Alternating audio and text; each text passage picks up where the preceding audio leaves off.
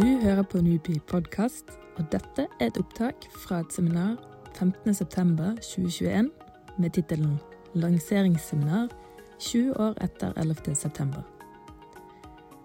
Deltakere er Ole Martin Stormoen, Julie Wilhelmsen, Anders Romerheim og Cecilie Helles Tveit. Ordstyrer er Rita Augestad Knutsen. Dette seminaret er da lanseringen av fokusnummeret av Tidsskriftet internasjonal politikk, som jeg og min kollega på NUPI, Ole Martin Stormoen, har gjesteredigert. Eh, dette fokusnummeret handler om arven etter 11.9. Eh, hvordan arven ble som den ble. Uh, og hvordan uh, 11.9. Uh, hva slags spor 11.9. har satt på internasjonal politikk særlig. Jeg skal ikke si så mye mer enn det før Ole Martin skal presentere både talerne i dag, bidragsyterne til fokusnummeret. Vi har representanter fra alle bidrag, bortsett fra ett, som Ole Martin skal si mer om, om litt. Jeg overlater ordet til Ole Martin Stormoen som skal presentere fokusnummeret og talerne. Takk for det. Um, jeg må først benytte anledningen til å takke redaktørene for internasjonal, politikk, eh, Pernille Riker, Minda Holm og Nils Skia for oppgaven og oppdraget. Eh, og så må jeg jo selvfølgelig takke bidragsyterne for, eh, for, innsatsen og for å jobbe med litt, litt korte og litt strenge tidsfrister over sommeren. Det var litt, sånn ble det, men, men resultatet ble bra. Um, når vi tenkte ut en, en, eh, en, retning for det nummeret, så, så kunne jo 11 eh, et, et, nummer om 11. september sin arv kunne jo handle om en, en, hel rekke ting. Det kunne ha det kunne handle om det helt hverdagslige, om, om hvordan arkitekturen har forandret seg, om populærkultur, om film, eh, om det juridiske, om forsvarspolitikk og alt innimellom. helt opp til det geopolitiske. Uh, vi valgte da å fokusere på noen områder som vi mener er sentrale for, for, uh, for den utviklingen som har skjedd. Uh, og vi ønsket da at bidragsyterne med hvert sitt perspektiv da skulle gjøre sin analyse av hvordan, hvordan dette forløp seg. En, en, analyse av, av 11.9 sin betydning vil til en viss grad måtte funderes på kontra, kontrafaktiske argumenter. Altså hva, hvordan hadde verden sett ut uten 11.9? Uh, der, der, er jo en god del sånn varmspørsmål her, og det er fort gjort å ende opp i det spekulative. Um, um, den aller enkleste analysen av 11.9, som vi tar opp i vårt lederessay, handler jo om, om de rent sånn um, cold hard facts, altså de, de rent fysiske tingene som har skjedd, og, og, og de målbare konsekvensene. da. Angrepene og Uh, og den påfølgende krigen mot terror bare fra USAs side har, uh, har blitt estimert til, til, til, å komme til å koste 6500 milliarder dollar. Altså nærmere fem ganger det norske oljefondet. Uh, det er inkludert rentene på de lånene som ble tatt opp for å finansiere dette. det anslås at pluss-minus 800 000 mennesker er blitt drept. og, det, og det har òg ført til at USA med allierte da er involvert i militæroperasjoner i over 80 land. Så disse tingene er relativt greie å forholde seg til. Um, sånn sett så kunne et nummer fort blitt en liten øvelse i etterpåklokskap, der du bare peker på alt som blitt gjort feil, og hva som kunne blitt gjort annerledes, og den type ting. og det det syns jeg vi har, uh, har unngått, uh, å falle inn i denne litt mer sånn spekulative, um, analytiske vinklingen. Uh, I bidraget så har dere lykkes veldig godt i å både å beskrive og forklare uh, hvordan 11.9 hadde påvirkning fra hvert deres perspektiv. Uh, og, og tegne et bilde av hvordan dette faktisk forløp seg. og på den måten vise at 11.9 hadde en, en, en, påvirkning på, på, på, de prosessene som dere beskriver.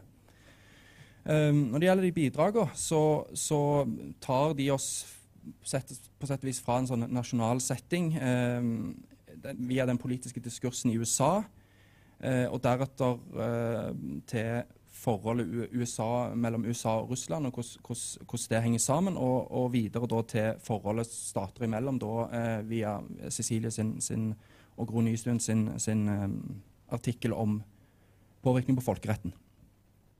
USA har jo en sentral rolle i alle de analysene. Eh, og USA ble jo òg den store katalysatoren for, for, den prosessen som ble satt i gang etter 11.9.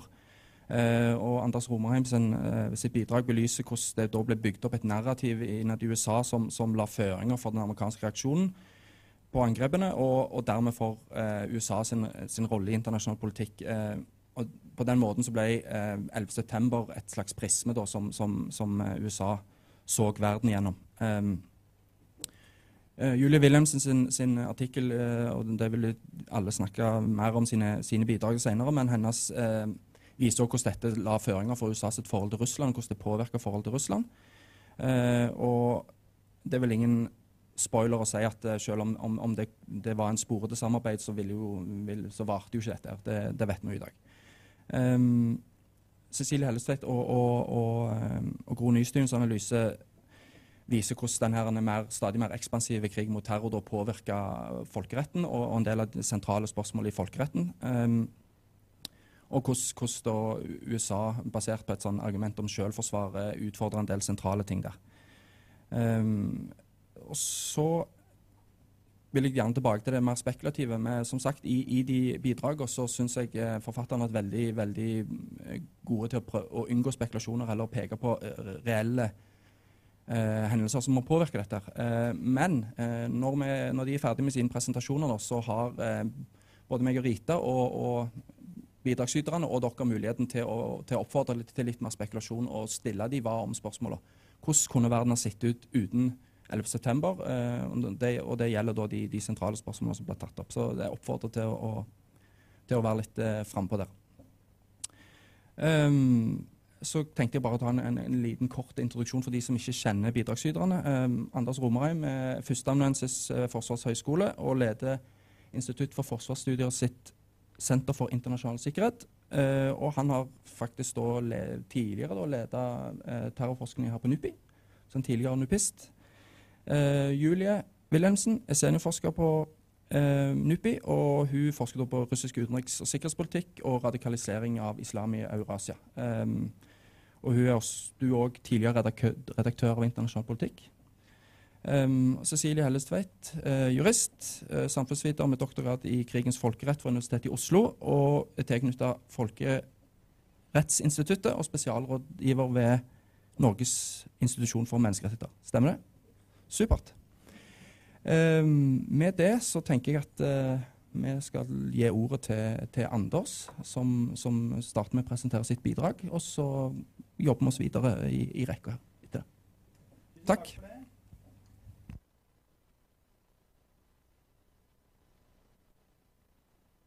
Eh, ofte er det der eh, flest følger et arrangement som dette i disse dager. Eh, tusen takk til gjesteredaktørene, som har gjort en veldig god jobb eh, med stramme frister og små utskeielser på toppen. Eh, så klarte jeg å komme meg gjennom, i hvert fall. Og til IP-redaksjonen for å, å, ta initiativ til å snakke om dette caset som vi skal snakke om i dag. Eh, og den siste takksigelse til konsortiet. For de første pengene jeg tjente i mitt yrkesaktive liv utenom sommer- og helgejobber, de var penger ut av Konsortiet for forskning på terrorisme og organisert kriminalitet. Så det er eh, en hyggelig sånn homecoming eh, for min del å, å, å, bidra her. Det gjør jeg med den aller største glede. Det må jeg bare si. Og så er det da dette caset. Eh, jeg, jeg, vil gjerne bruke litt tid på bare å snakke varmt caset. Eh, nå har mange sett 9-11-dokumentarer osv. Eh, på TV og eh, strømmetjenester og alt eh, man eh, velger seg i dag. Men eh, jeg tror det er ganske vanskelig å skjønne 9-11-mentaliteten. Hvordan det slo ut, hvor stort det var, hvor enormt eh, angrepet faktisk er i historisk målestokk. Dette er alle terrorangreps mor, alle terrorangreps overlord. Det fins ingen terrorangrep som man egentlig kan sammenligne dette med.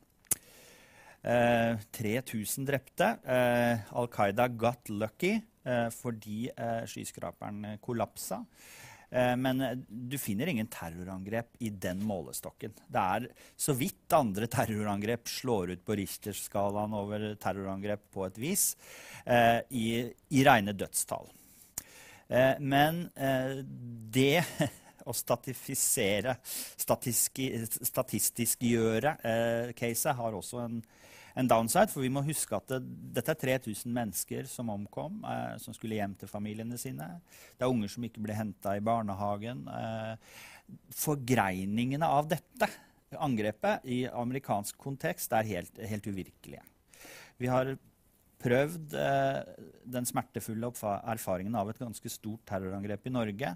Alle som sitter her, alle som følger på Internett, kjenner noen som var der, eller kjenner noen som kjenner noen som var på Utøya.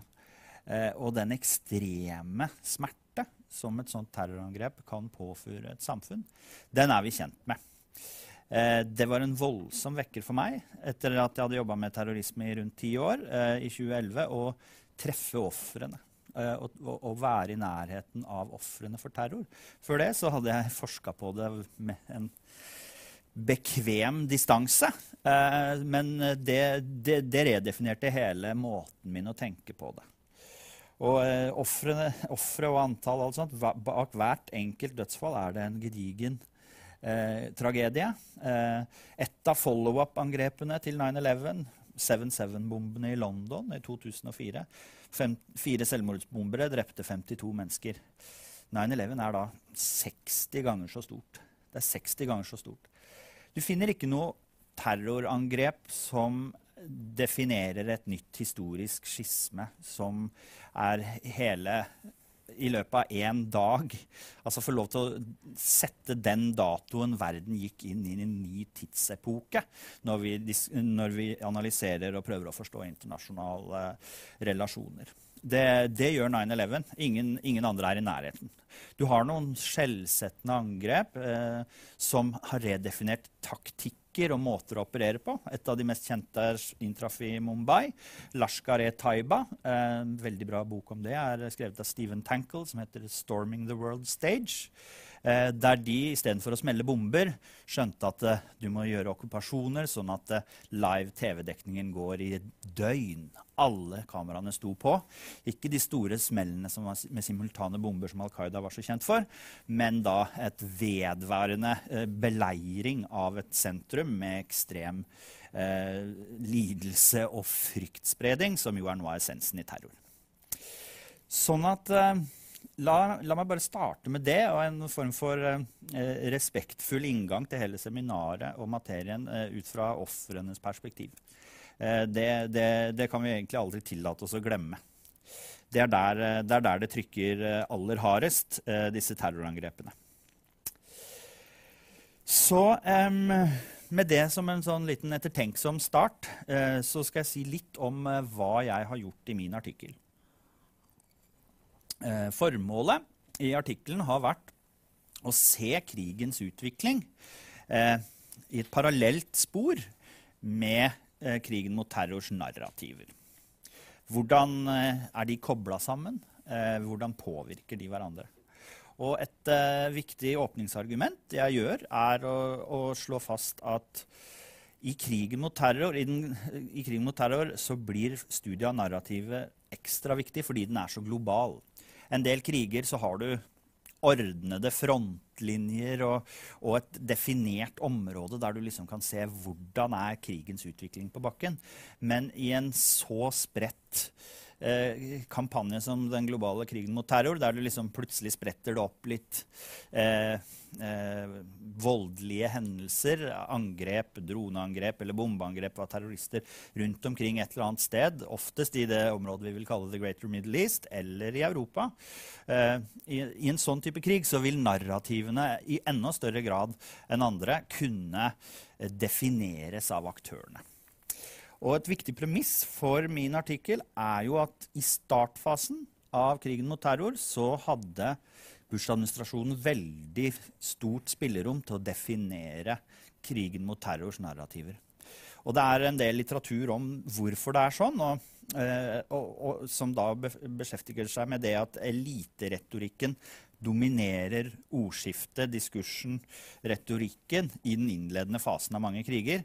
Eh, og det har bl.a. å gjøre med at eh, det tar litt tid for mediene, som på en måte er motspilleren etter hvert her, å utvikle sin egen kun kunnskapsproduksjon og dermed sine egne analyser som står på egne bein. Eh, som kan eh, motsi og korrigere eventuelt eh, forestillinger i elitenes strategiske narrativer som ikke nødvendigvis er helt riktige. Eh, og, dette beskrives av og til som en sånn realitetens elastisitet. I starten av en krig kan du si veldig mye om hva som gjelder, og hva som eh, forekommer, men ettersom tida går, og motstemmer kommer på, så, eh, så innskrenkes dette rommet. Dette skjer ganske dramatisk i krigen mot terror etter hvert, eh, der eh, Bush-administrasjonen mister kontrollen over narrativene. Eh, men i starten så er jo det aller, aller viktigste som skjer, er jo at man etablerer en såkalt masternarrativ. George W. Bush erklærer krig mot terrorisme. Det var han nødt til. Vi kan analysere krigen mot terror ut fra en tanke om at den kunne vært annerledes. Men eh, en stor Bush-kritiker, Richard Clark, som skrev boka 'Against All Enemies', han skriver jo om, eh, om, Bush, om krig mot terror, at det, fins ingen amerikansk politiker som kunne vært president, som ikke ville erklært krig mot terror etter 9-11. Det, det, var uunngåelig. Den måtte komme. Og da må vi igjen tilbake til tanken om 3000 døde på én dag, som alle vet er helt historisk voldsomme tall. Eh, og videre, en ting som det er veldig viktig å huske på, er etter 9-11, på 9-12, så begynte jo analysene. Og da var det liksom Kommer vi til å ha et sånt angrep i året? Kommer det til å være ett i kvartalet? Det, det, var det, var en, voldsom, litt sånn euforisk eh, paranoia og frykt eh, for at denne typen store terrorangrep var blitt en del av hverdagen. Det blei det ikke, for 9-11 er så enestående. Terrorangrep i mindre skala blei en stor del av hverdagen. Og vi så at hvor de inntraff i størst grad, som vi allerede har nevnt. Eh, Midtøsten fikk eh, blø, som det alltid får i denne typen eh, konflikter. Men det europeiske kontinentet, med angrep i Madrid og London, da, de, de første, men også utover ettersom ISIL kom på banen, jo, var jo jihadistisk terrorisme i Europa en, en vedvarende trussel. Den har gått ned. Eh, den er ikke borte. Så eh, vi er da på en måte Innslagspunktet her er at eh, krigen mot terror måtte komme. En, eh, et USA som ville sagt børsta av seg sagt motreaksjonene våre, som du har påpekt allerede, ville drept, drepe mange flere enn det som ble drept den dagen. Det var en ikke farbar vei eh, for eh, en hvilken som helst person man ser for seg. Så kommer krigen mot Afghanistan. Den er også tilnærma uunngåelig, men der har du et litt større spillerom eh, for hvordan man skulle utøve den. Eh, at man skulle være der i 20 år når de gikk inn, det var det kanskje noen som tenkte, men det var mange av oss som ikke tenkte det.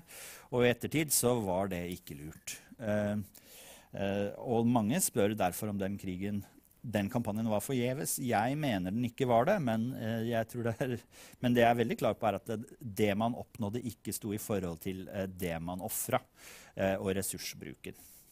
Og i Afghanistan så har vi jo nordmenn mista livet. Eh, og eh, ved, ved IFS så jobber jo jeg tett med en av de som var veldig nære med å miste livet på Hotell Serena. Eh, sånn at krigen mot terror og terrorangrep det har ofre. De er virkelig mennesker, og det er, det er grusomt. Men fristedet måtte tas ut. Det var den amerikanske holdningen.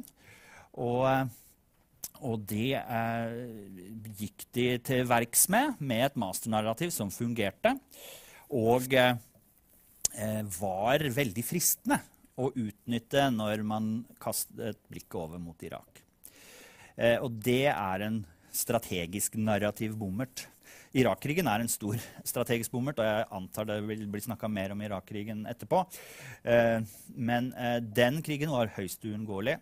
Det var veldig fristende for Bush-administrasjonen å utnytte krig mot terrornarrativet, for det, det hadde høy støtte.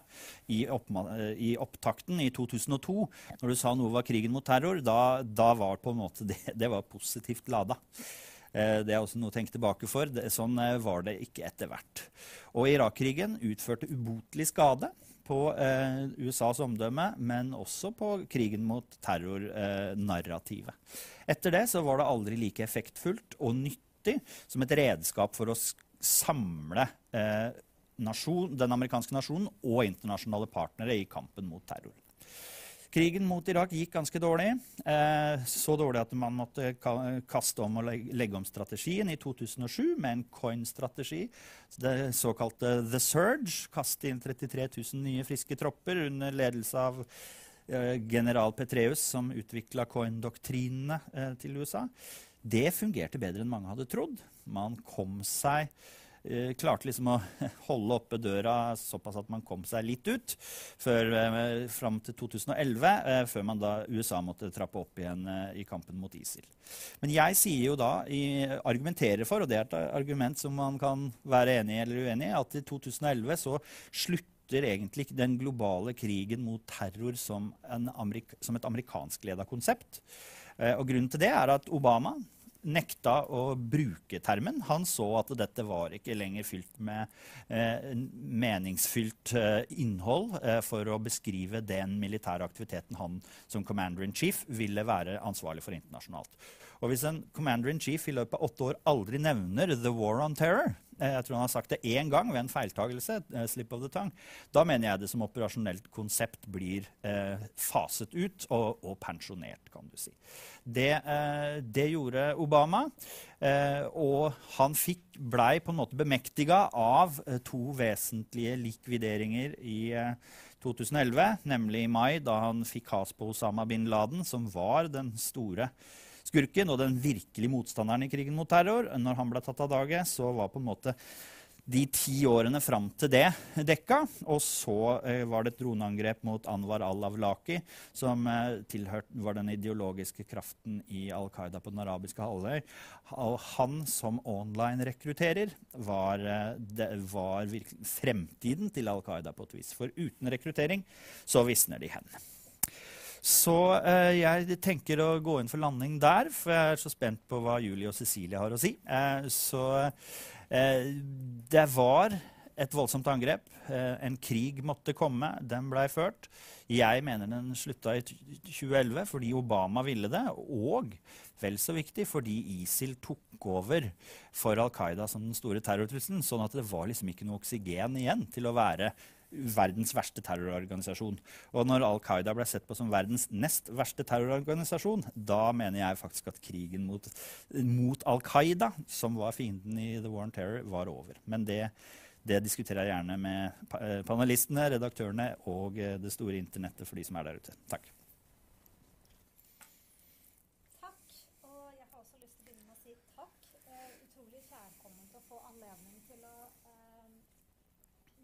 Se bakover og se de lange linjene.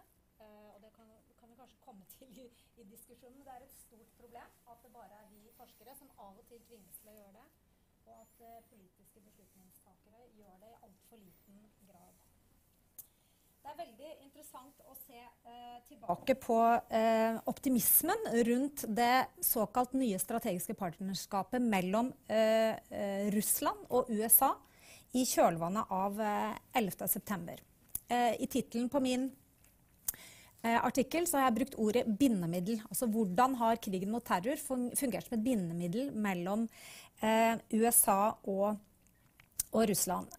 og grunnen til at jeg bruker det, er at en felles ytre fiende kan fungere utrolig godt for å sammensveise sosiale enheter som egentlig står veldig langt fra hverandre. Selv var jeg egentlig veldig skeptisk fra dag én, fordi mitt forskningsfelt var Russlands versjon av krig mot terror eh, i Tsjetsjenia, som begynte alt i eh, eh, 99. Men faktum er at eh, det utviklet seg et formidabelt eh, partnerskap mellom Uh, USA og Russland etter at Putin ringte Bush, som en av de aller første statslederne som ringte Bush, og sa vi skal være partnere i krigen mot terror. Og Eksempler på det partnerskapet kan man ramse opp. Det er eh, formidabelt. Russland syns f.eks. det var helt greit at USA skulle, å legge til rette for USAs krigføring inn i Sentral-Asia. Man aksepterte til og med amerikanske militærbaser i tidligere sovjetstater i, i Sentral-Asia. Og det utviklet seg et formidabelt etterretningsarbeid som jeg opplevde veldig på kroppen. For jeg var i Jeg husker ikke hvilket år det var, men det var ikke lenge etter Um, 2001 så var jeg i Brussel, og da så jeg en, eh, i Nato-kvarteret. Og der var det en plakat hvor det var et stort bilde med Osama bin Laden, og så var det piler over hele verden. Hvor var på en måte hans undersåtter utplassert. Og så var det en pil rett ned på Tsjetsjenia med bilde av eh, Basajev, som jo i utgangspunktet var en eh, tsjetsjensk separatist som ofte var blitt eh, framstilt som en slags eh, frihetsforkjemper også i, eh, her i, eh, i, Vesten. Og det var bare et tegn på at det utviklet seg et, et stort etterretningssamarbeid mellom eh, Russland og USA i kjølvannet av 11.9. Og så En annen eh, veldig viktig manifestasjon på det partnerskapet var at man opprettet Nato-Russland-rådet. Nato har alltid vært en fiende for Russland, men man opprettet altså et råd der Russland fikk lov å sitte som én blant mange eh, og diskutere eh, og prøve å finne løsninger på hvordan man skulle bekjempe terrorisme. Og det var ikke slik at Nato-landene da snakket sammen først, og så møtte de Russland, men Russland satt der fra starten av. Så fikk det også eh, konkrete utslag på andre felt enn det sikkerhetspolitiske. russisk økonomi ble godkjent eh, som en markedsøkonomi, Russland ble del av G8 osv. Og dette vil jeg påstå at vi har glemt i dag.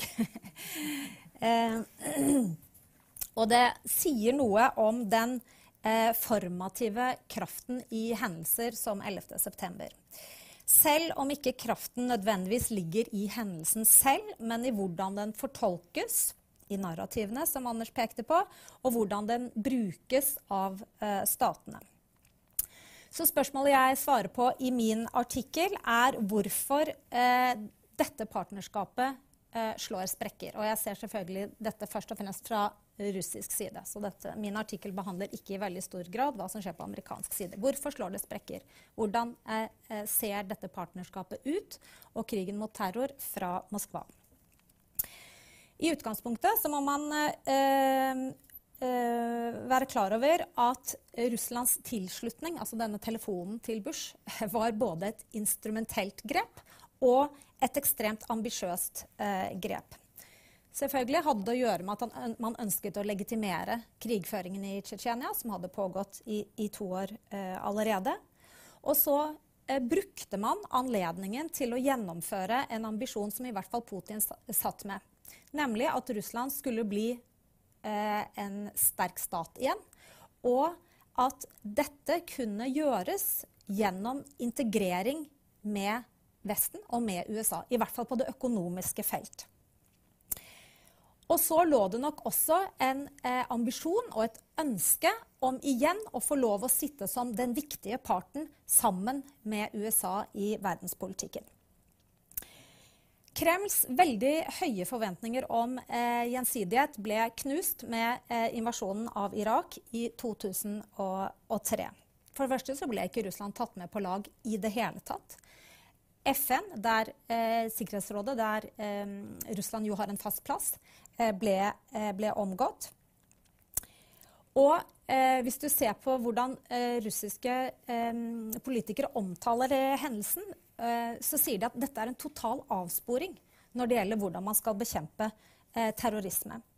Fordi at i det russiske synet så fjerner du den stabiliserende statsmakten, som nettopp er den som må og skal bekjempe eh, terrorisme.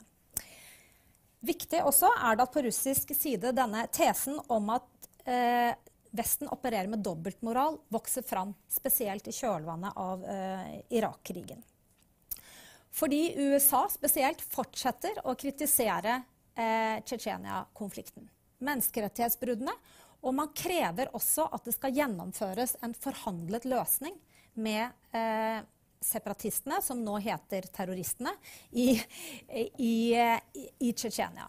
For Russland var dette et klart eksempel på dobbeltmoral. Når det gjaldt Saddam, så var det ikke noe forhandling. Det var rett og slett bare å ta ham fra makten. Og dessuten så dukket jo Abu Ghraib og senere Guantánamo opp.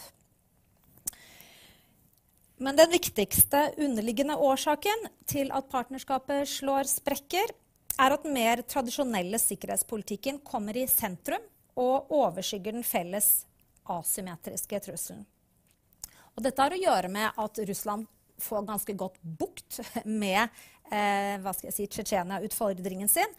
Men det har vel så mye å gjøre med at Russland retter blikket sitt mot eh, utviklingen andre steder i Europa. De er veldig eh, opptatt av, og tidlig opptatt av, det vi i dag på populært kaller rakettskjoldet, som man ikke får lov å si, som heter BMD. eller? Eh, og de er selvfølgelig også opptatt av Nato-utvidelser i 2004 til de baltiske eh, stater. Så denne, eh, i Russlands trusselbilde så blir dette viktigere enn terrortrussel. Denne trusselen, den tradisjonelle trusselen fra vest. Så Russlands skuffelse over partnerskapet mot terror bidro derfor sterkt til, som Dmitrij Trenin uttrykte det, at Russland faktisk forlater Vesten allerede i 2006, eh, påstår han dette. Og lenge før, tror jeg, Vesten skjønte det. um, og jeg tenker En, en, en ekstra refleksjon her er at, at, på dette tidspunktet så blir det mønsteret som er så tydelig nå, nemlig at den enerådende makten, hegemonen i verden, så enerådende som USA har vært, mister helt av syne hva de andre spillerne lenger ned i hierarkiet faktisk har eh, forventet, og, og, og legitimiteten eh, eh, rundt amerikansk makt begynner virkelig å, å rase med måten eh, dette felles partnerskapet ble forvaltet på. Og selv om Obama skrinla, som Anders sa, dette GWAT eh, og lanserte en slags reset overfor Russland, eh, og der kampen mot terrorisme igjen fungerte som et slags sånn saksfelt som kunne binde eh, Russland og USA sammen igjen, så, så, fungerer det aldri helt. For det partneren er blitt den egentlige motstanderen for Russland. Som er mest opptatt av, og nå har vi kommet fram til 2008, f.eks. lovnader eh, til eh, Georgia og Ukraina, altså stat, tidligere sovjetstater som grenser eh, til, eh, til Russland, om at de en gang kommer til å bli Nato-medlemmer.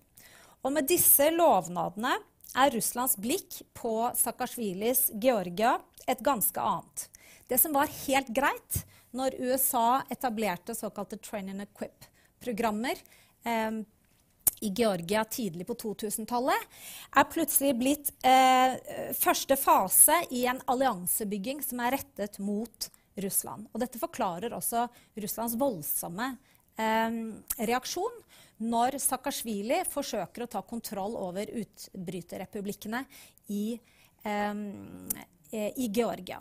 Russland tolker dette som at Saakashvili har Nato i ryggen og invadere Georgia med voldsom makt. Og med krisen i Ukraina i 2014 så blir eh, eh si, kampen mellom Russland og Vesten det altoverskyggende for, eh, for Moskva. Hvis vi så vender blikket mot utviklingen i Syria i 2015, da Russland intervenerer militært i en out of area operation for første gang siden kalde krigen eh, eh, i Syria, så er det klart at selv om man potensielt kunne smidd et samarbeid rundt kampen mot IS, så var det snarere en utvikling av en slags stedfortrederkrig som lå i kortene der nede. Det var eh, Putin og Assad mot eh, si, de vestlige statene og eh, opposisjonen. Og hvis vi ser på noen av Lavrovs uttalelser her, så blir denne tesen om at eh, Vesten egentlig driver og støtter terrorister. De bekjemper ikke terrorister. Det blir uttrykt helt klart. I Syria støtter USA terrorister for å skape kaos og maktoppløsning og undergrave suverene stater, sier Lavrov. Dessuten, i Syria så ser vi også at Russland begynner istedenfor å satse på å bli én rundt bordet sammen med USA, så begynner de å bygge sin egen koalisjon. Eh, og det ser vi tydelig i det som ble kalt for Astana-prosessen. Og så er det helt andre institusjoner, f.eks. den kollektive sikkerhetspakten, eller CSTO, som den heter på, på engelsk, og Shanghai Cooperation Organization, eller Shanghai-gruppa, som den heter på norsk, som blir det sentrale fora for, bekjempe, for, samarbeid i kampen mot eh, terrorisme. Så var det denne flotte her. Da skal vi se om den funker. Nei. Ja. Men eh, Sånn er det med teknikken. Etter hvert som den kalde, eh, kalde krigen bler, brer om seg i kjølvannet av annekteringen av Krim i 2014, så er det stadig forslag om at dette kan være det bindemiddelet som kan eh, dempe den nye konflikten. Og vi så det faktisk i forbindelse med møtet mellom Biden og Putin nå i sommer. Selv om det stort sett var strategisk stabilitet det dreide seg om, så blir også eh, terrorisme nevnt.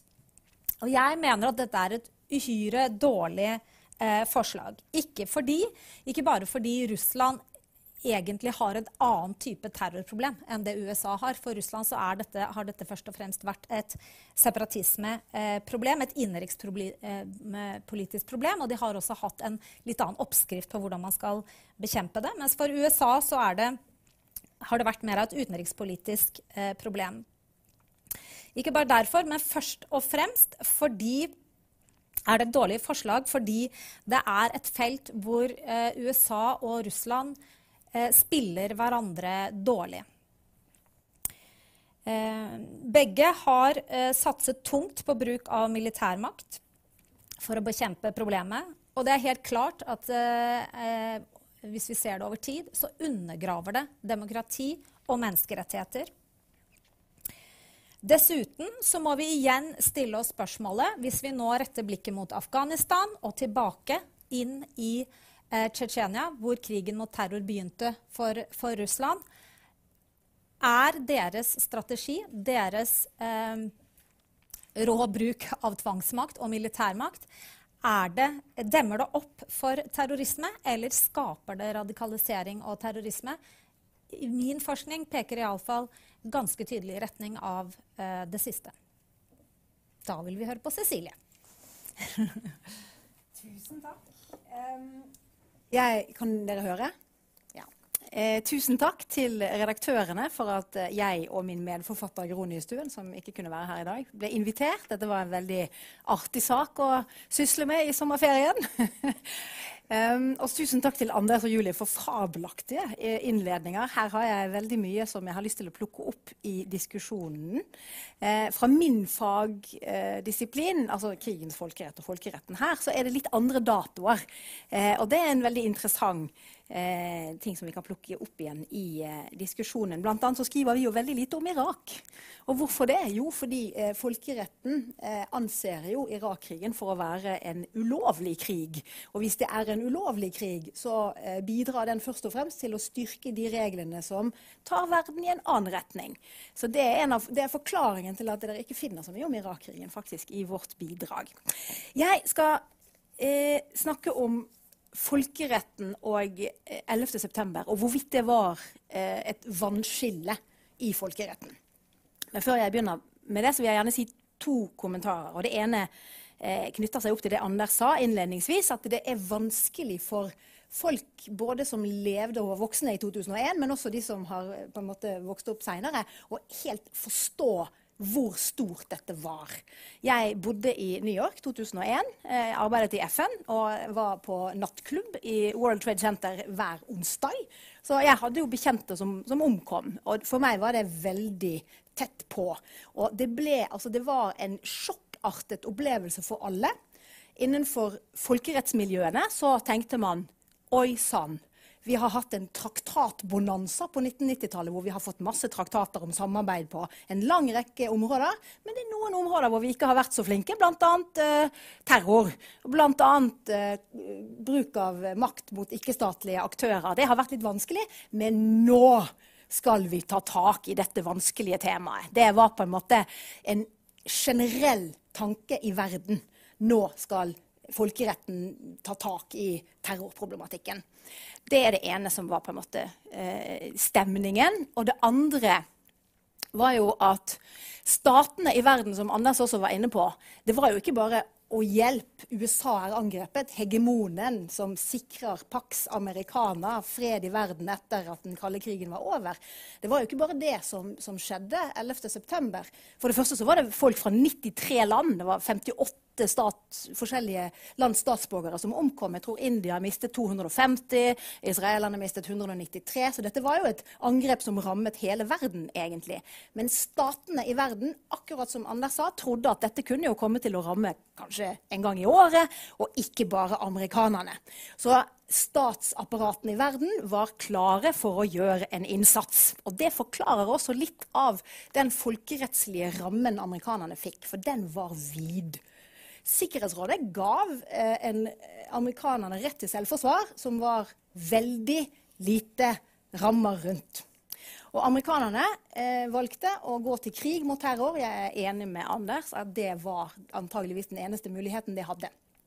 Du fikk da denne AUMF, Authorization of, Military, of the Use of Military Force, som amerikanerne fikk i Kongressen, eh, bipartisan, eh, en uke etter 11.9. Og den hjemmelen til amerikansk utøvende myndighet til å bruke militærmakt mot de aktørene som den amerikanske presidenten anser å være Al Qaida eller tilknyttet i hele verden, den står fortsatt i dag. Så når vi snakker om at den globale krigen mot terror er over, så er jo ikke det riktig i forhold til det internrettslige rammeverket som amerikanerne har. Det står. Nå er spørsmålet skal det avsluttes når Afghanistan er over. Vi får se. Jeg ville ikke satse så mye penger på det. Men det er på en måte rammene rundt.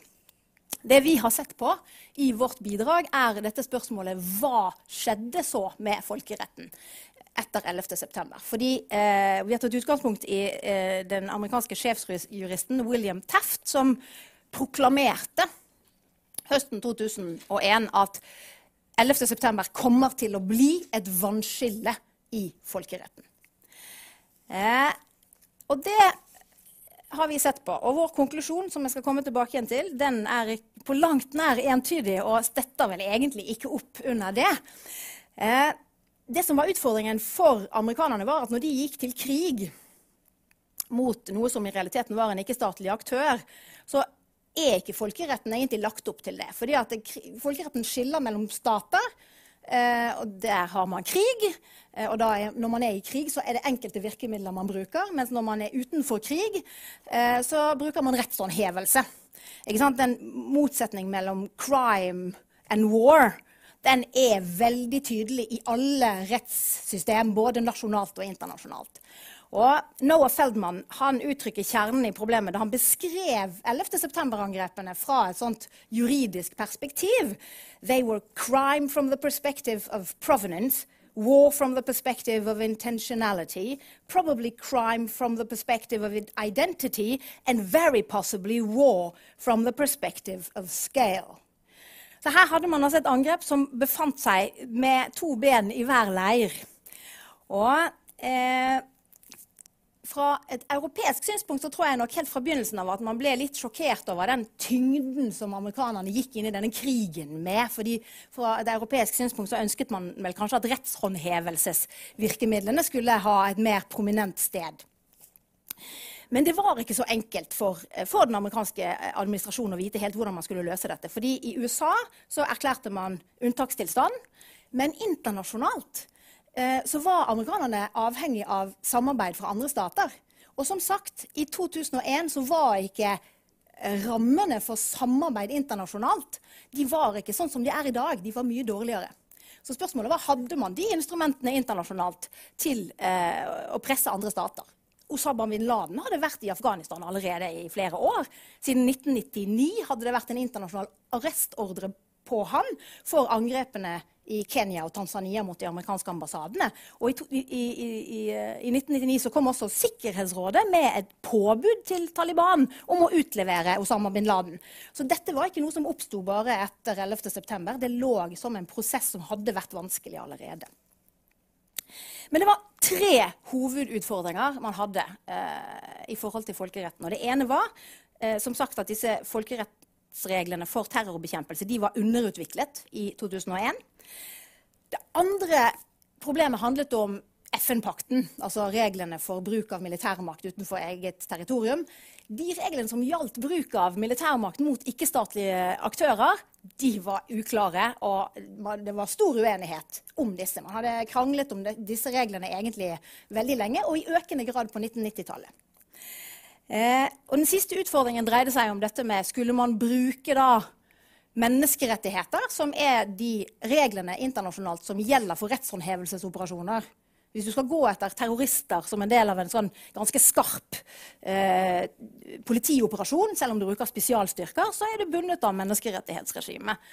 Men hvis du er over i en krigsretorikk og er over i det som folkeretten sier nå gjelder krigens regler, så er det helt andre rammer rundt hva slags maktbruk du kan bruke.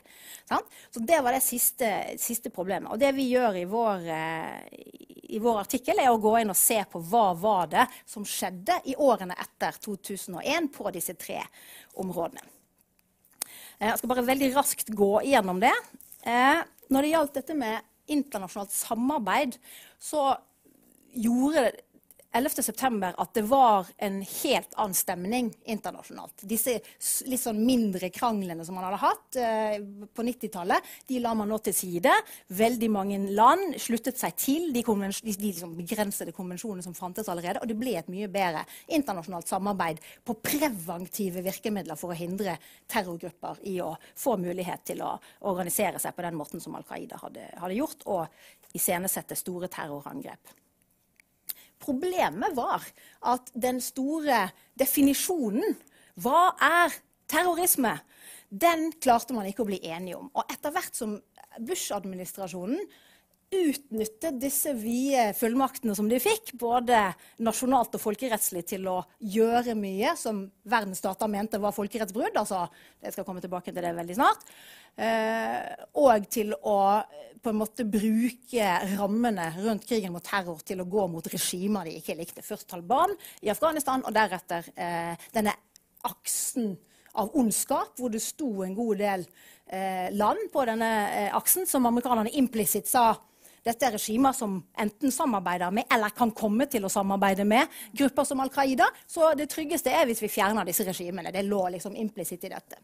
Og dette førte tilbake til at denne definisjonen på terror den blir veldig mye mer komplisert. For, for, for statene skjønte at nei, vi skal ikke ha nødvendigvis et sånt klart regime likevel. Dette vil vi ikke gå med på. Konsekvensen av dette folkens, er at i eh, 2021 så har vi fortsatt ingen internasjonal definisjon på terrorisme. Den fins ikke i folkeretten.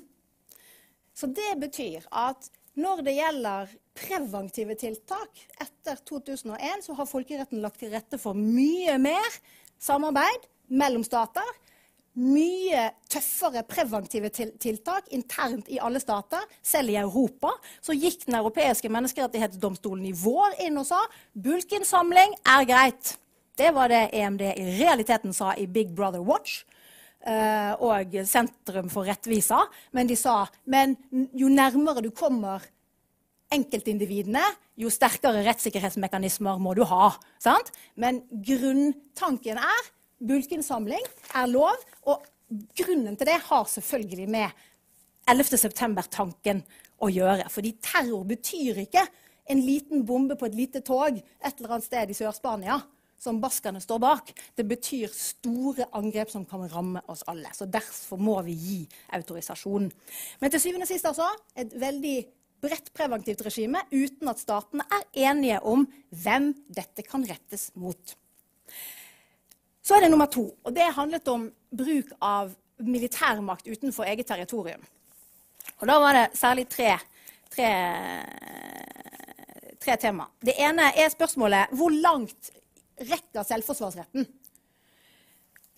Spørsmål nummer én må, må eh, Sikkerhetsrådet erklære en ikke-statlig gruppe for å være en trussel mot internasjonal fred og sikkerhet for at en stat skal ha selvforsvarsrett mot en ikke-statlig ikke gruppe? Det var spørsmål én. Her mente amerikanerne og israelerne og russerne og en del andre etter hvert at uh, det kan stater gjøre helt uten Sikkerhetsrådet. Du kan gå inn i andre land for å bekjempe ikke-statlige aktører uten at Sikkerhetsrådet er om bord. Tradisjonalistene, altså europeerne og en del andre land som var litt redde for hvordan de store maktene kom til å utnytte denne utvidede selvforsvarsretten, sa nei. Sikkerhetsrådet må erklære en ikke-statlig aktør for å være en trussel mot internasjonal fred og sikkerhet for at man kan gå inn. Og når IS kom, som dere husker i 2014, så gjorde Sikkerhetsrådet det. Så både Al Qaida og IS, der har Sikkerhetsrådet gjort dette. Så eh, vi europeere liker å si at dette er gjeldende folkerett. Og så er det andre større stater som mener at de har en mer selvstendig rett. Det var det ene spørsmålet. Eh, eh, det andre spørsmålet var hva er omfanget av selvforsvarsretten. Retter den seg bare mot Al Qaida, eller også mot regimer som huser Al Qaida, altså Taliban? Der var det mange som ikke var enig med amerikanerne i at vi skulle fjerne Taliban. Altså. Det var ikke helt uh, selvsagt, selv i 2001. Uh, Europeerne sitt uh, svar var at amerikanerne erklærte 2001, våren, at we don't do state building. Og samme høst så begynner de å fjerne regimer. Og hva skal da komme etter at du har fjernet disse regimene? Nei, det var da FN som måtte om bord. Og det var også bakgrunnen for at vi fikk ISAF. Og etter hvert denne store statsbyggingsinnsatsen i Afghanistan. Eh, min analyse er at det først og fremst var europeiske stater som ønsket statsbygging av den karakteren i Afghanistan for å rettferdiggjøre hva vi egentlig holdt på med der. Eh, men der fikk amerikanerne pushback. Eh, så var spørsmålet kan man bruke selvforsvarsretten preventivt. Kan man si nettopp at disse regimene kan komme til å samarbeide med Al Qaida eller Associated Forces og gjør det at man eventuelt har rett til å gå inn.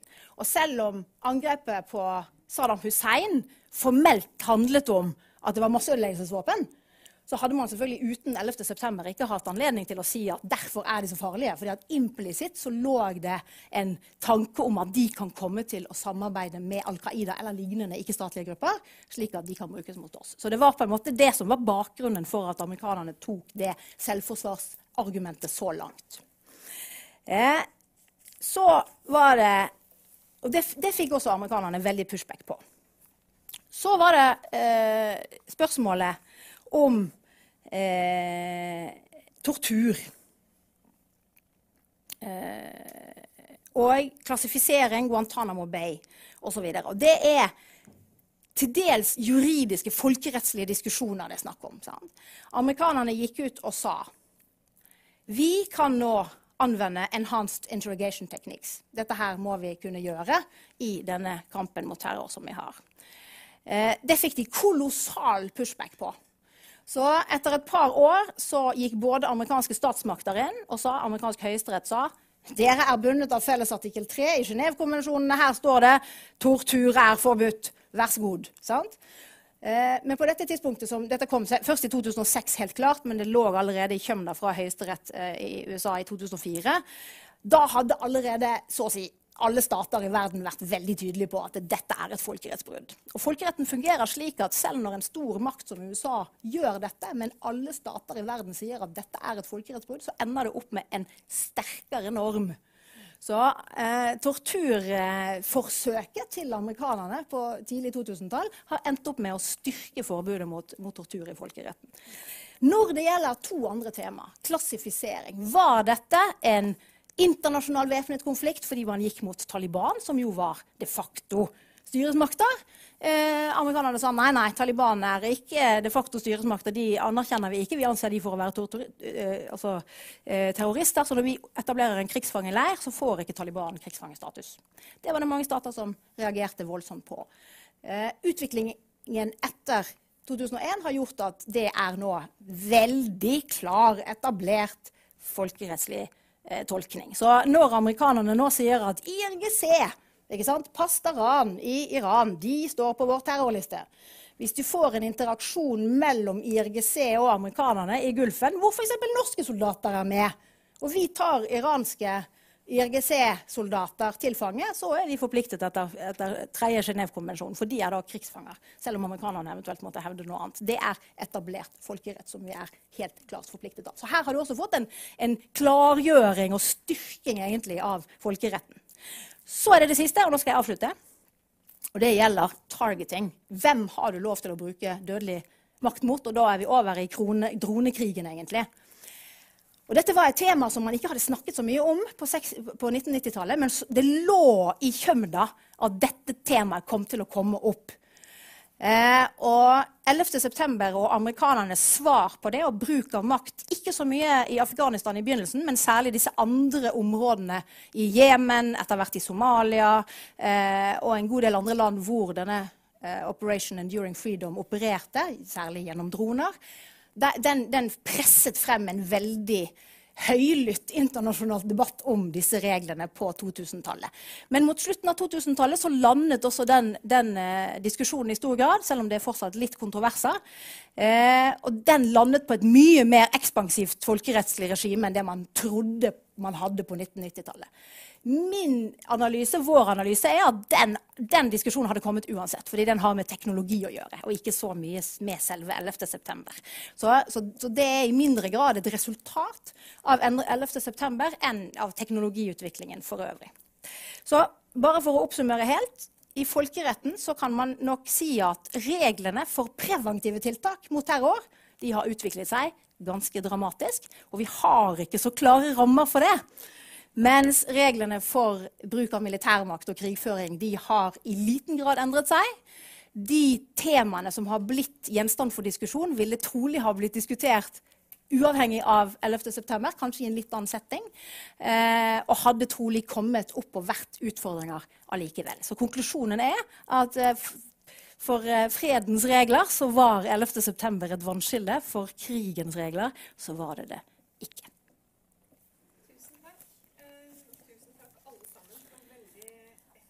Presenterte og gode innlegg, og artikler, ikke minst. Um, som det, disse innleggene har vist, er jo fokusnummeret et forsøk på å vise ikke hvordan eh, krigen mot terror og 11.9 forandret verden i den forstand at verden i dag er annerledes enn den var da, eh, og dette da må skyldes terrorangrepene den dagen og krigen mot terror, men mer et forsøk på å zoome inn på hvordan krigen mot terror forandret verden. Altså hvilke mekanismer, gjennom hvilke mekanismer ble verden endret.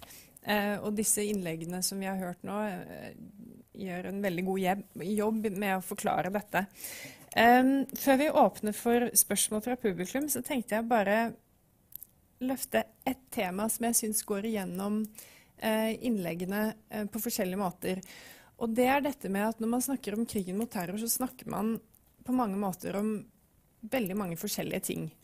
Um, og det har delvis med endringer i betydningen av terrorismebegrepet, men også forskjellige bruk, bruk, type bruk, altså i den forstand at man bruker det bevisst eh, til dels med instrumentelle mål for øye til å oppnå ulike formål. Og jeg lurer på om dere fra hvert av deres perspektiv kunne si noe om dette, for dere har jo vært inne på det alle sammen. Men Anders, du nevnte jo at uh, war on terror, war on terrorism opprinnelig var et ganske samlende begrep, uh, men at Obama så ville gå vekk fra det. Altså hvor, hvorfor? Hva slags bagasje hadde da utviklet seg i forbindelse med dette begrepet som gjorde at man ønsket å slippe det?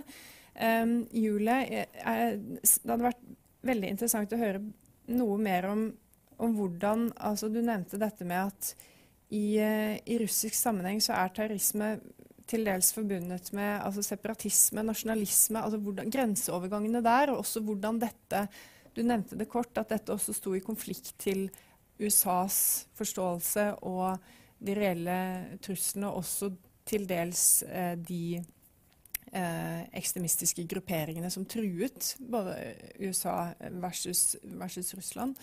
Eh, og Cecilie, eh, hvis du kunne si noe mer altså Du nevnte de juridiske rammeverkene for kriminalitet versus krig. Altså kan man si at altså Land har jo gradvis i økende grad utviklet egne terrorlovgivninger. Um, og også i forhold til folkeretten, det, kan man si noe om hvorvidt terrorisme har på en utviklet seg som et tredje juridisk felt? Um, både internrettslig og i forhold til folkeretten. Bare, hvis dere har mulighet til å si noe om, om, disse tingene først, så åpner vi for publikum eh, etterpå. Um, takk. bare reflektere litt over det. Uh, veldig spennende innledninger jeg har hørt på også. Det er interessant, uh, før jeg går løs på spørsmålet ditt, å bare kommentere på det med 2014 og annekteringen av Krim. Kanskje, kanskje det er da krigen mot terror slutter? At det er innledningen til en ny epoke? Jeg vet ikke. Jeg sier 2011, men eh, av alle forslag jeg har hørt før, så er i 2014 så skjer det noe annet i verdenspolitikken. Det er, det, hva som skjer da, eh, er hva som er det viktigste å følge med på i verdenspolitikken da, er ikke underlagt the, the overarching title uh, 'krig mot terror'. Så det er, det er noe, noe, å diskutere. Og terrordefinisjoner det er jo uh, et fantastisk tema hvor man kan ha mange seminarer. Det har vel konsortiet hatt òg. Jeg har jobba mye med å prøve å definere terror og funnet ut at det er en umulig oppgave, men det er jo veldig spennende å jobbe med for det. Eh, når det da eh, Beklager, jeg måtte skyte inn noen, eh, knytte an noen kommentarer der. Når det gjelder hva slags bagasje som eh, krigen mot terrornarrativet eh, hadde etter hvert, som du spør om, Rita. Det, eh, deler av svaret ligger hos, i det Cecilie snakka om, eh, som jeg glemte å si noe særlig om, som er torturnarrativene. Så det var en fin arbeidsdeling oss imellom, eh, selv om vi ikke har eh, gjort den typen avklaringer i forkant. Eh, torturnarrativet Julie nevnte også Abu Ghraib, Guantánamo fra å være et samlende konsept som du kunne trekke ting til, så blei krigen mot terror et, eh, et, eh, veldig negativt lada ord. Eh, det blei forbundet med løgn og eh, fabrikkert etterretning rundt krigen mot Irak og masseødeleggelsesvåpen. Eh, men fremfor alt, mener jeg altså det, det, Unnskyld. det ga det en uhelbredelig skade, som jeg sa i min innledning. Allerede der ødela du deler av det litt sånn prisverdige tiltaket som krig mot terror egentlig er. For vi har snakka om hvor grusomt terrorisme er eh, i, i, å drepe sakesløse, uskyldige mennesker. Eh, men eh, uskylden til krigen mot terror den forsvant veldig fort. Og eh, da blei det fylt opp med annet innhold. Mediene kom jo da på banen, som er en del av min analyse i artikkelen i temanummeret, og utvikler sin narrativ om hva egentlig dette handler om. Uh, enhanced interrogation techniques, uh, waterboarding, uh, såkalt renditions, der folk bare ble nappa av gata og havna i ukjente, forbudte fengsler i Romania, Polen, andre steder i verden, og etter hvert Guantánamo. Alt dette blei en belastning og en stygg bagasje. Og sluttpunktet for dette har vi ikke sett ennå. For det, det, var vel Julie som nevnte eh, at uh, Putin og Biden har jo nå hatt et toppmøte. Strategisk stabilitet ble diskutert. Uh, terrorisme ble diskutert. Cybersikkerhet ble diskutert der. Men i sin pressekonferanse etterpå så jo drar jo Putin opp ja, Guantánamo er fortsatt åpen. Er, disse voldsomme folkerettslige og moralske amerikanerne de har Så dere hva som skjedde i Abu Ghraib? Sånn at det i dag er krigen mot terrornarrativet et våpen i hendene til USAs fiender. Et våpen som, et retorisk, en retorisk pil som Putin kan skyte etter president Biden. Og det, det sier utrolig mye om hvor sluttkjørt krigen mot terror som konsept er. Ja, Da vil jeg først kommentere på det Anders sa først, og så vil jeg svare på spørsmålet ditt. Eh, jeg tenkte på det med liksom, når, når, Man må bli enige om liksom, når var krigen mot terror slutt. Er det 2014? Og da, da er det igjen dette med at internasjonal politikk er man, mangslungen og skape seg alle disse forskjellige eh, aktørene, og ikke, eh, ikke bare eh, Vestens sentrum. Og det er klart at det prøvde jeg egentlig å si i min, min fortelling, at for Russland så er i hvert fall den felles krigen mot terror over mye kjappere enn det USA eh, eh, får med seg. De forlater Vesten eh, allerede i, i, i, 2006.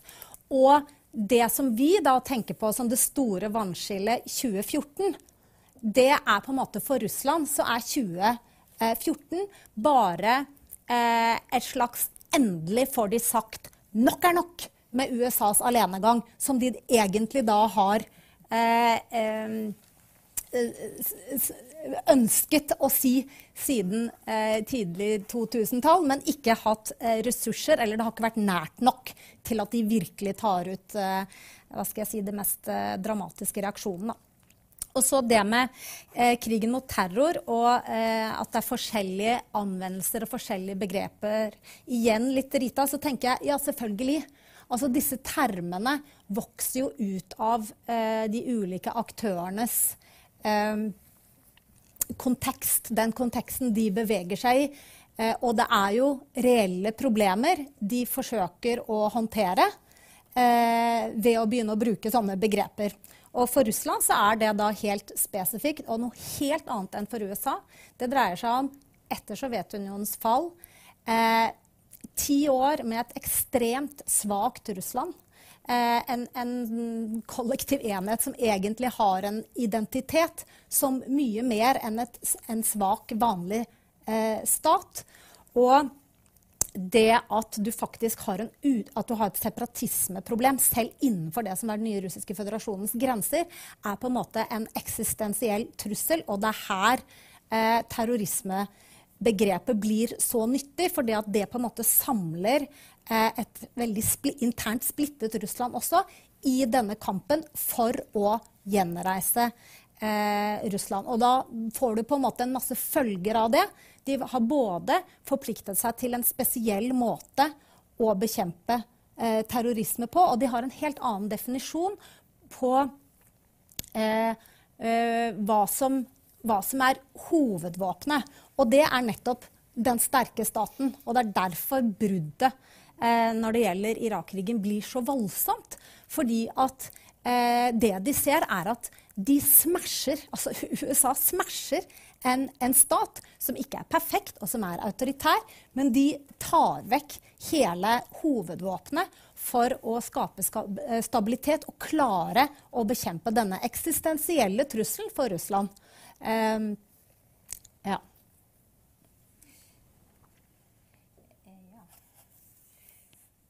Jeg eh, vil gjerne også si litt om datoer, før jeg går tilbake til tortur og regimer. For jeg har jo da en, en eh, tredje dato å foreslå, og det er 2008. Eh, den globale krigen mot terror ble formelt avsluttet av amerikanerne i 2013. Eh, men de tildelte jo medaljer for ting som ble, ble, utført i den globale krigen mot terror også i 2015. Så det er ingen som egentlig har en sånn klar, klar dato for liksom avslutningen av det konseptet hos amerikanerne. Eh, begrunnelsen for at jeg setter datoen til 2008, og fortsatt siste, altså siste året til Bush-administrasjonen, var at da gikk amerikanerne over fra global eh, krig mot terror, OEF, én krig mot terror som hadde én pengesekk, til at den amerikanske kongressen sa vi skal ha overseas contingency operations fordi at vi har ikke nok oversyn over det, du, det, dere gjør i denne krigen mot terror. Så da fikk du en mye mer sånn Hva gjør dere i Jemen? Hva gjør dere i Afghanistan? Hva gjør dere på andre siden av grensen i Pakistan? Så det gjorde at du fikk en sånn oppbrytning også eh, internt i USA i forhold til hvordan man rapporterte på dette. Samtidig så fikk amerikanerne en ny counterinsurgency-strategi. som også hadde på en måte, Da fikk du en sånn skil. Hva er kontraterror, og hva er counterinsurgency, og hvordan henger disse sammen? Og så begynte amerikanerne å beslutte at de skulle ut av Midtøsten, the greater Middle East, militært. De skulle ikke stå så tungt nede lenger. Og det var selvfølgelig fordi at innen 2011 så var amerikanerne selv eh, eksportør av olje. De ble verdens største oljeprodusent, som dere vet, i 2018. ikke sant? Eh, og da ser verden helt annerledes ut også i forhold til hva slags type militær nærvær du trenger trenger det i Midtøsten. Eh, jeg, så jeg, jeg tenker at da, Det som også skjedde i 2008, var jo at eh, russerne gikk inn i Georgia, og så ble de kastet ut av antiterroroperasjonen i Middelhavet. For der, eh, Det var jo en Nato 5-operasjon, egentlig, og der deltok jo russerne fra 2005. Og så ble de kastet ut. Og det var da russerne begynte å bygge opp sin militærbase base i Syria, Tartus, altså havnebasen sin, som de hadde hatt eh, tilgang til under den kalde krigen, og begynte å bli interessert i eh, ting i Midtøsten igjen. Så jeg tenker at da endret litt av krigen mot terror seg i en overgangsfase frem til den nye amerikanske forsvarsdoktrinen i 2018, hvor det er mye mer stormaktsrivalisering som kommer inn. Når det gjelder tortur det amerikanerne gjorde i 2001 i disse torturmemos, hvor de gikk inn og sa nå er vi nå har vi en ekte fiende. Så nå sånne fine formularer om at vi liksom ikke skal bruke makt eh, overfor eh, de vi har i, i, fangenskap, det kan ikke gjelde nå, folkens. Nå er vi nødt til å finne ut hva som egentlig er, eh, er greia. Selv om all vitenskap viser at bruk av tortur i fangenskap ikke egentlig gir deg riktig informasjon. Det gir deg altfor mye informasjon, og du får informasjon i alle retninger. Men enda viktigere, israelerne forsøkte dette her. Fordi de hadde hatt brukt tortur under den første intifadaen i 1987. 2007 de hadde hatt en undersøkelseskommisjon som så vi torturerer faktisk. Vi bruker enhanced interrogation techniques. Og da besluttet israelerne istedenfor at dette skal finnes i sånne sorte hull, så skal vi ha kontroll over det. Så de, da autoriserer vi litt bruk. Og i 1999 så kom israelsk høyesterett til at dette kan vi ikke drive med, folkens. Fordi at vi undergraver vår moralske integritet. Vi får eh, et jusstudium som også handler om hva slags type tortur er det lov å bruke. Og vi får et medisinstudium. Legene våre har egne valgfag i hva er akseptabel tortur. Dette kan vi ikke drive med. Dette undergraver vår sivilisasjon. Dette skjedde i 1999. Men amerikanerne, når de introduserte sine torturmemos to år seinere, sa det går an å være demokrati og bruke enhanced interrogation techniques.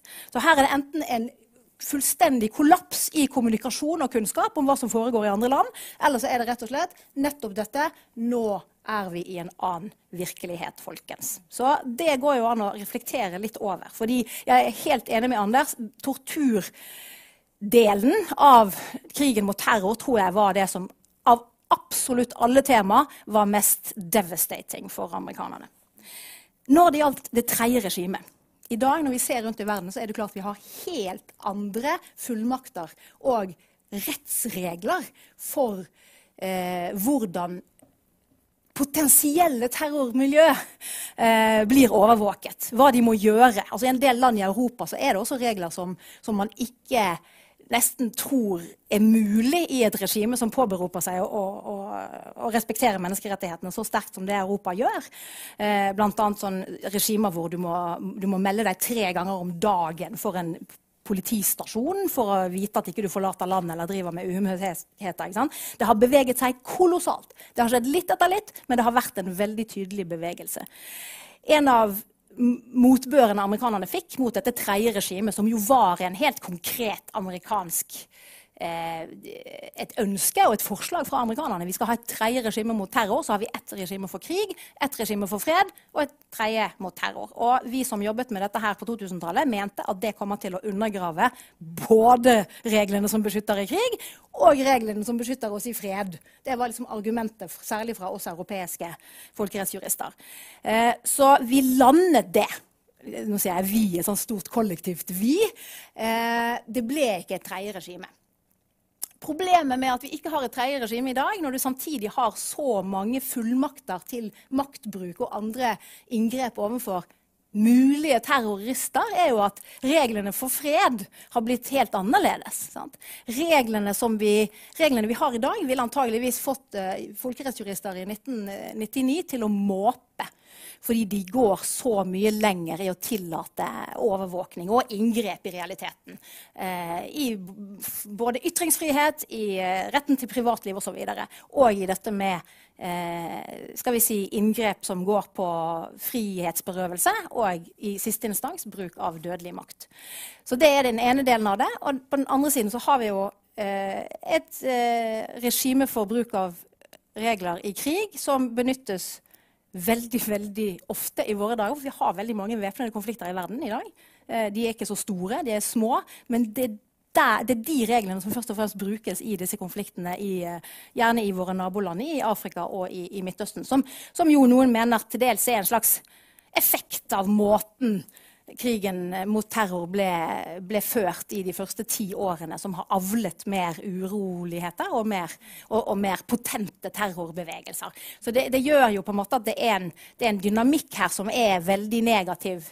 Selv om vi vant kampen mot det tredje regimet, så har det påvirket både reglene eh, som folkeretten tillater i si, fred for å hindre terror, og de reglene som vi operasjonaliserer i krig for å bekjempe terrorbevegelser. Det er en litt nedslående konklusjon der til slutt. Et regime, men en stor saus. ja. Da kan vi åpne for, for, spørsmål. Jeg tenker at vi kan ta det litt, uh, litt gruppevis. Uh, og vi bør selvfølgelig også nevne det fjerde bidraget i fokusnummeret som ikke er representert her i dag. Det er Benjamin Halvard og Benjamin De Cavallo som beskriver hvordan 11.9 endret faget internasjonal politikk. Så det kan dere lese om på Internasjonal politikk sine nettsider.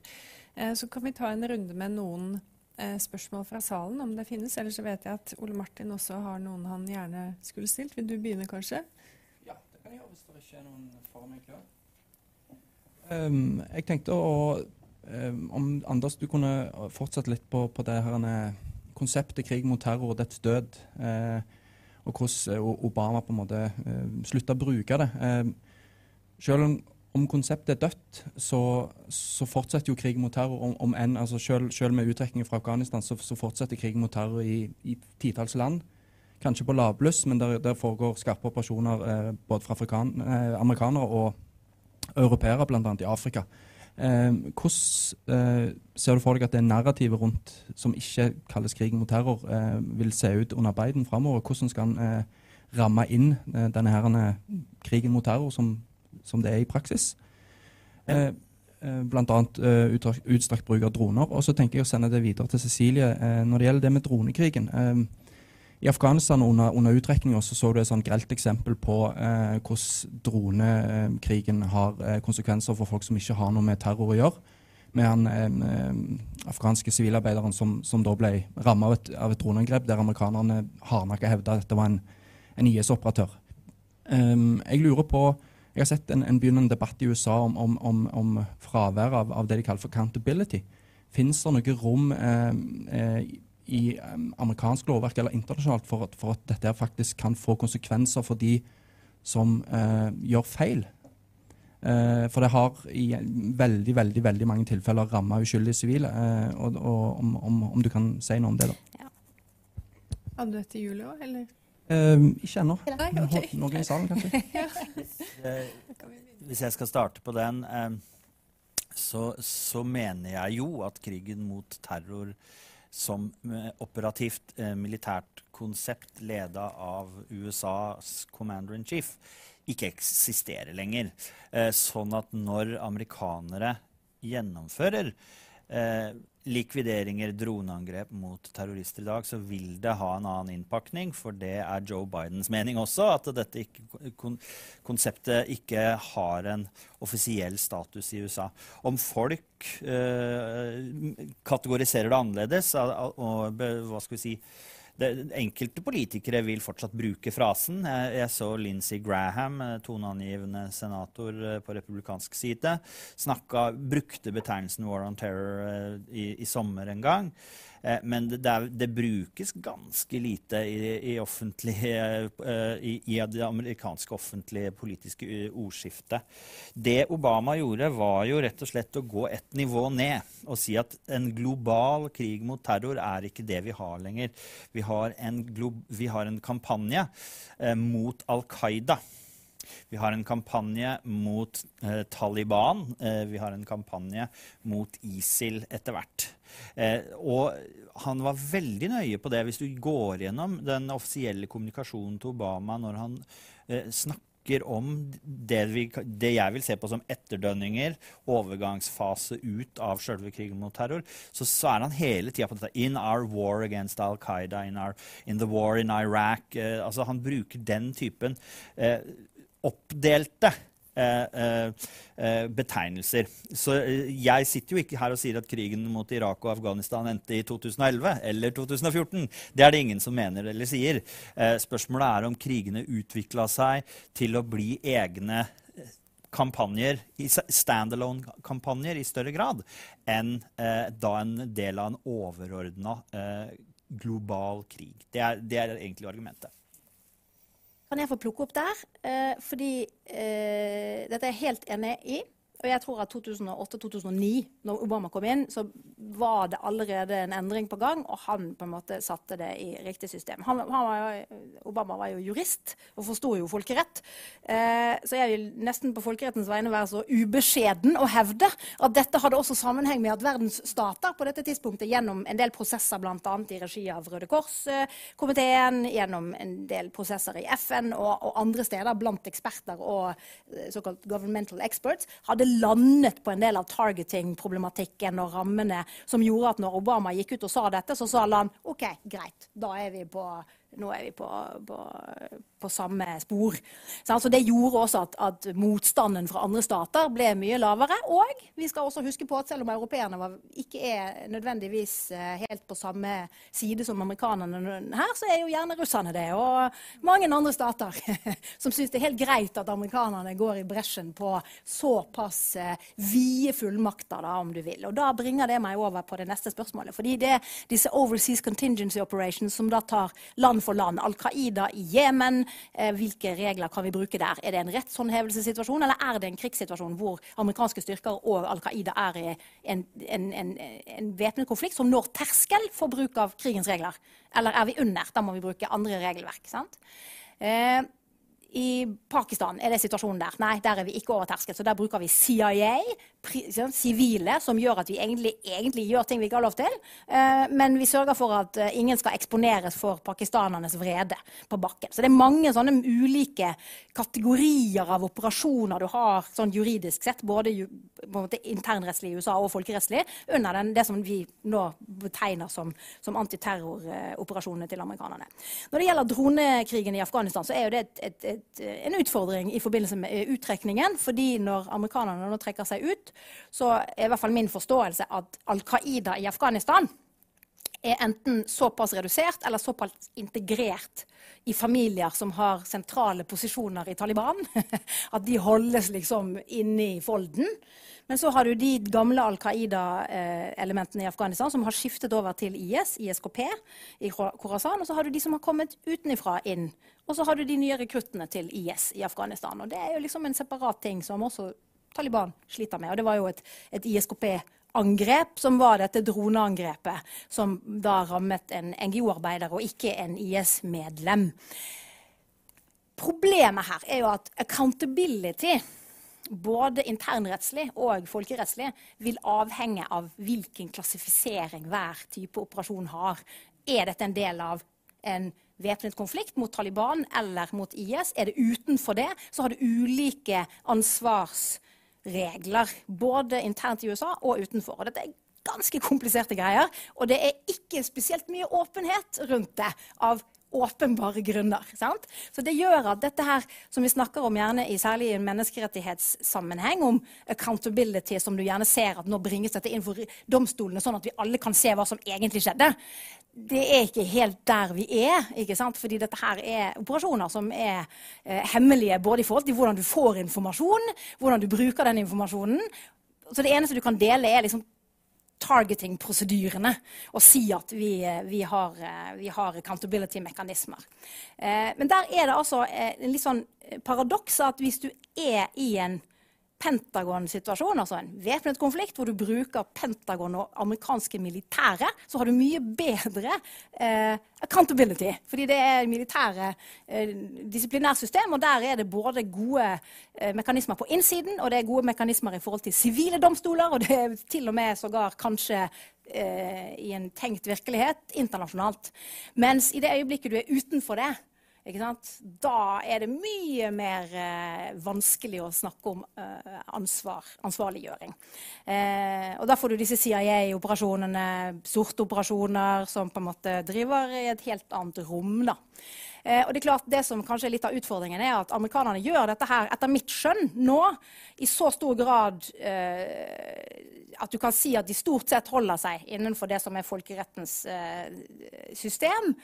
Eh, men det er to problem. Jeg skal bare si én ting. Da Obama eh, gikk av i 2016, da det ble klart hvem som skulle ta over, så brukte Obama-administrasjonen sine ansatte i State Department veldig mange dager og netter de neste seks ukene på å lage et nytt dokument som sa enhver endring av amerikanernes maktbruk i krig eller fred skal legges frem for Kongressen til offentlig innsyn. Så det var et forsøk på å fryse det systemet som Obama hadde etablert, og si at enhver endring her som Trump-administrasjonen ønsker å gjøre, det må innom Kongressen.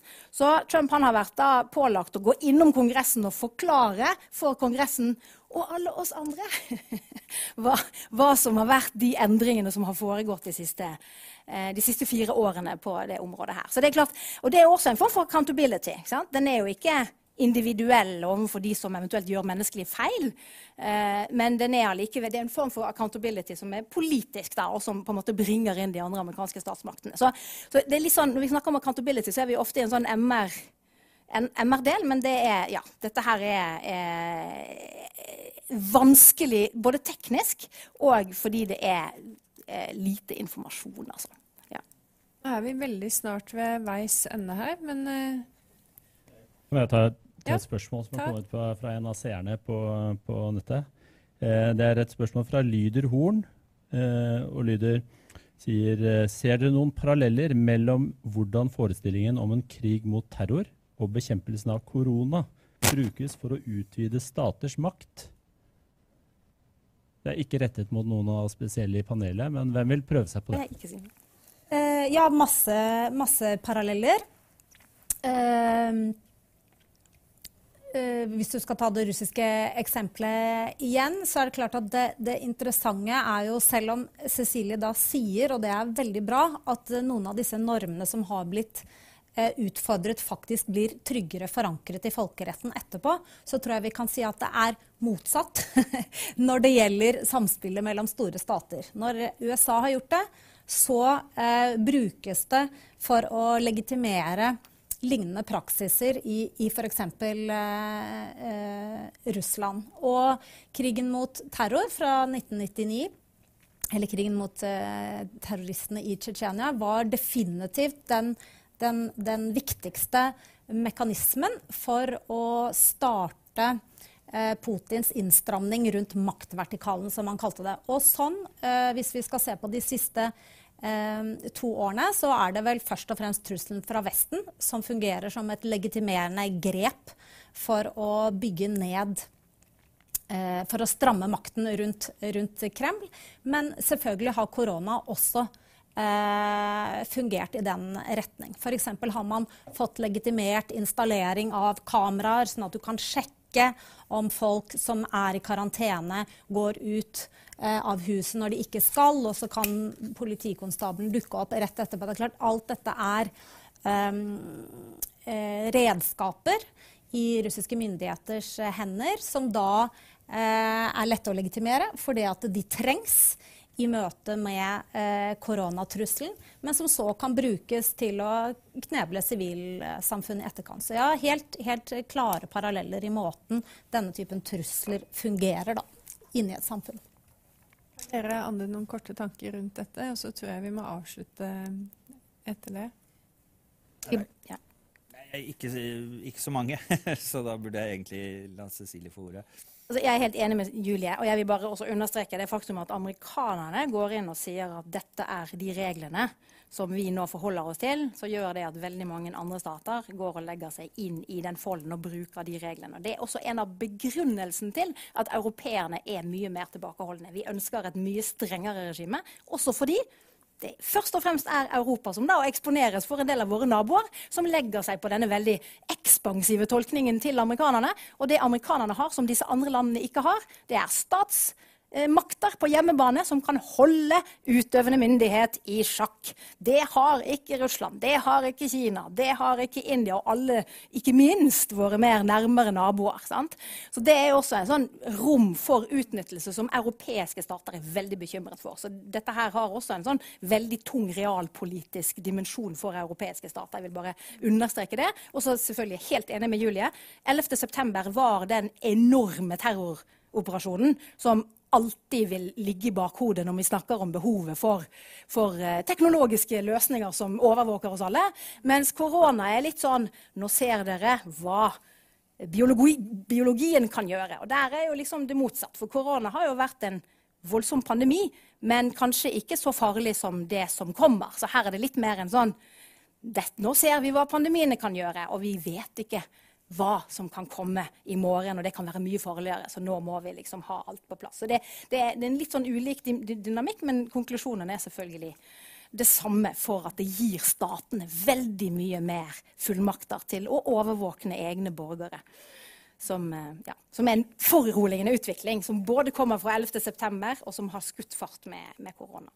Jeg, når jeg får tenkt meg litt om, så jeg, er jeg ikke helt enig med dere. Eh, jeg ser problem, problematiske sider ved det, men en veldig viktig forskjell, som jeg også tror dere anerkjenner, er at i, i smitteverntiltak spiller myndighetene med helt åpne kort. I hvert fall i Norge så gjør de det, der de sier sånn, sånn, sånn, sånn gjør vi det. I, I krig mot terror så er det så mye som har foregått i kulissene, der man rett og slett ikke har fått vite om det. Snowden-avsløringene er én ting, dronekampanjene, om de er utført av Pentagon eller CIA, det betyr noe. Eh, og disse hemmelige fengslene rundt omkring. Vi vet ikke hvem som er fanga. Det har vært så mye i skyggene. Eh, og det, det, spiller en rolle om staten spiller med noenlunde åpne kort over i et liberalt demokrati eller ikke. Kan jeg bare få si det? Grunnen til at norske myndigheter eh, kan spille med åpne kort, er jo fordi norske borgere har høy grad av tillit til norske myndigheter. Dette her er ikke en enveisting, dette er en toveisting. Og den ser vi i veldig mange land som vi også kanskje gjerne kan sammenligne oss med en del ganger, at det er på vei ned. Så spørsmålet er hva skal vi gjøre for, for å bevare det? Fordi det er vår viktigste garanti og beskyttelse og sikkerhet mot at disse truslene her ikke undergraver eh, det det viktigste vi har, som er tilliten mellom borgerne og statsmakten. Da tror jeg vi avslutter der. Jeg vil igjen takke for eh, bidragene. Eh, det er mye, veldig mye oppmerksomhet rundt denne markeringen om dagen, som er egentlig, fra mitt perspektiv, i øyenfallende mollstemt i forhold til tidligere markeringer. Eh, og, men, men, likevel er, er, kanskje mye av dekningen Den går rett på enten kostnadene ved krigen mot terror eller gevinstene man har oppnådd. Og jeg tenker at et seminar som dette, eh, bidragene deres, er veldig kjærkomment i forhold til å gi et nøkternt, men også mer nyansert bilde på utviklingen siden 11.9. og krigen mot terror som fulgte. Så takk igjen til dere, og takk til dere som kom. Da sier vi takk for nå. Takk for invitasjonen. Takk for invitasjonen. Takk for oss.